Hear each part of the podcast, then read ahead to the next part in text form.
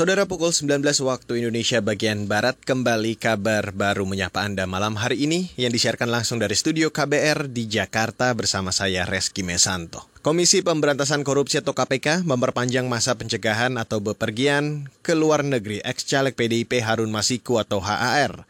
Harun merupakan tersangka pemberi suap dalam kasus pengurusan pergantian antar waktu atau PAW anggota DPR RI periode 2019-2024. Jubir KPK Ali Fikri mengatakan Harun dicegah keluar negeri terhitung sejak 10 Juli 2020 hingga 6 bulan ke depan. Ia beralasan pencekalan itu dalam rangka mendukung proses penyidikan. Surat permohonan perpanjangan larangan bepergian ke luar negeri tersebut telah KPK kirimkan ke Direktorat Jenderal Imigrasi Kementerian Hukum dan HAM Republik Indonesia. Saat ini KPK tetap menjalin koordinasi dengan pihak kepolisian dan keimigrasian untuk terus mencari dan menangkap keberadaan eh, DPO atas nama tersangka HAR tersebut. Perkembangannya nanti akan kami informasikan lebih. Sebelumnya tersangka Harun sudah dinyatakan buron sejak Januari 2020. Ali mengatakan belum ada laporan keluar masuk lalu lintas orang terkait keberadaan Harun Masiku.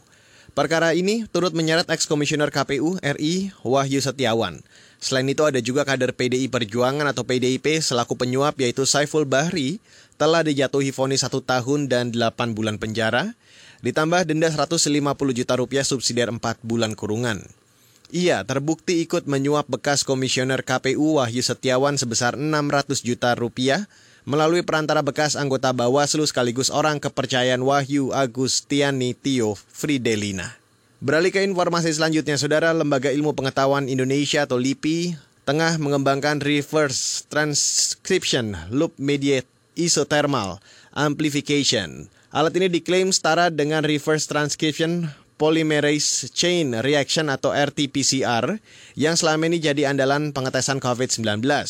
Menteri Riset Teknologi atau Menristek Bambang Brojonegoro mengatakan RT-LAMP sebelumnya telah digunakan mendeteksi virus-virus influenza, MERS, serta SARS. Saat ini, kata dia, RT LAMP tengah diproduksi. Kata dia ini sekaligus untuk mengurangi ketergantungan impor reagen sebagai larutan untuk tes PCR.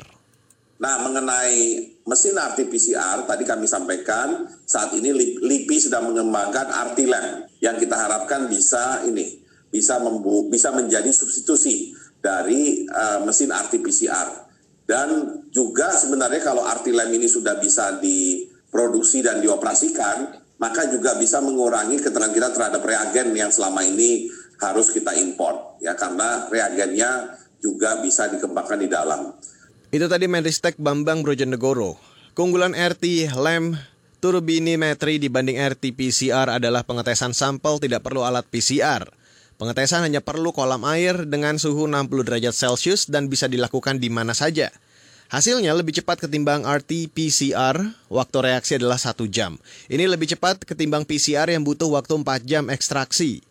Kelebihan lain RT-LIMP juga terletak pada reagennya. Sebelumnya, krisis reagen sempat menghambat tes PCR di Indonesia. Namun reagen RT-LAM menggunakan reagen yang tersedia Harganya juga lebih murah yakni 10 juta rupiah untuk 100 reaksi. Kita beralih ke informasi dari daerah saudara pekerja seni di Kabupaten Rembang, Jawa Tengah memprotes kebijakan rapid test sebelum pentas.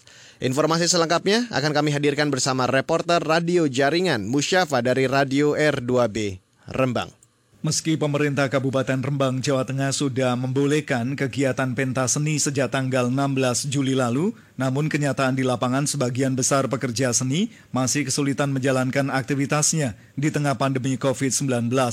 Haryanto, seorang MC warga Kecamatan Sedan Rembang, mengatakan ada dua kendala yang masih dihadapi, mulai sisi perizinan dari kepolisian maupun aturan harus rapid test sebelum pentas. Menurutnya, biaya rapid test tidak sebanding dengan honor yang mereka terima. Iya mas, sangat keberatan. Bayangkan satu orang 150, satu orang ada yang 200 ribu. Seandainya musisi itu krone seluruh ada 20 orang sampai 25 orang. 200 kali 25 orang udah berapa? Padahal yang bayaran dari musisi hanya 300 ribu rupiah. Kadangkala rong atau seket dan 200. Kan habis karena sangat jengkelnya. Di rumah sudah habis mobil terjual, origin tunggal terjual, gitar terjual. Haryanto, seorang pekerja seni di Rembang.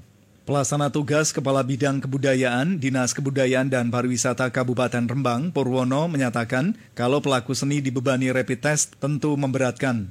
Pihaknya berharap cukup dengan surat keterangan sehat supaya lebih mudah. Musyafa, R2 Rembang melaporkan untuk KBR.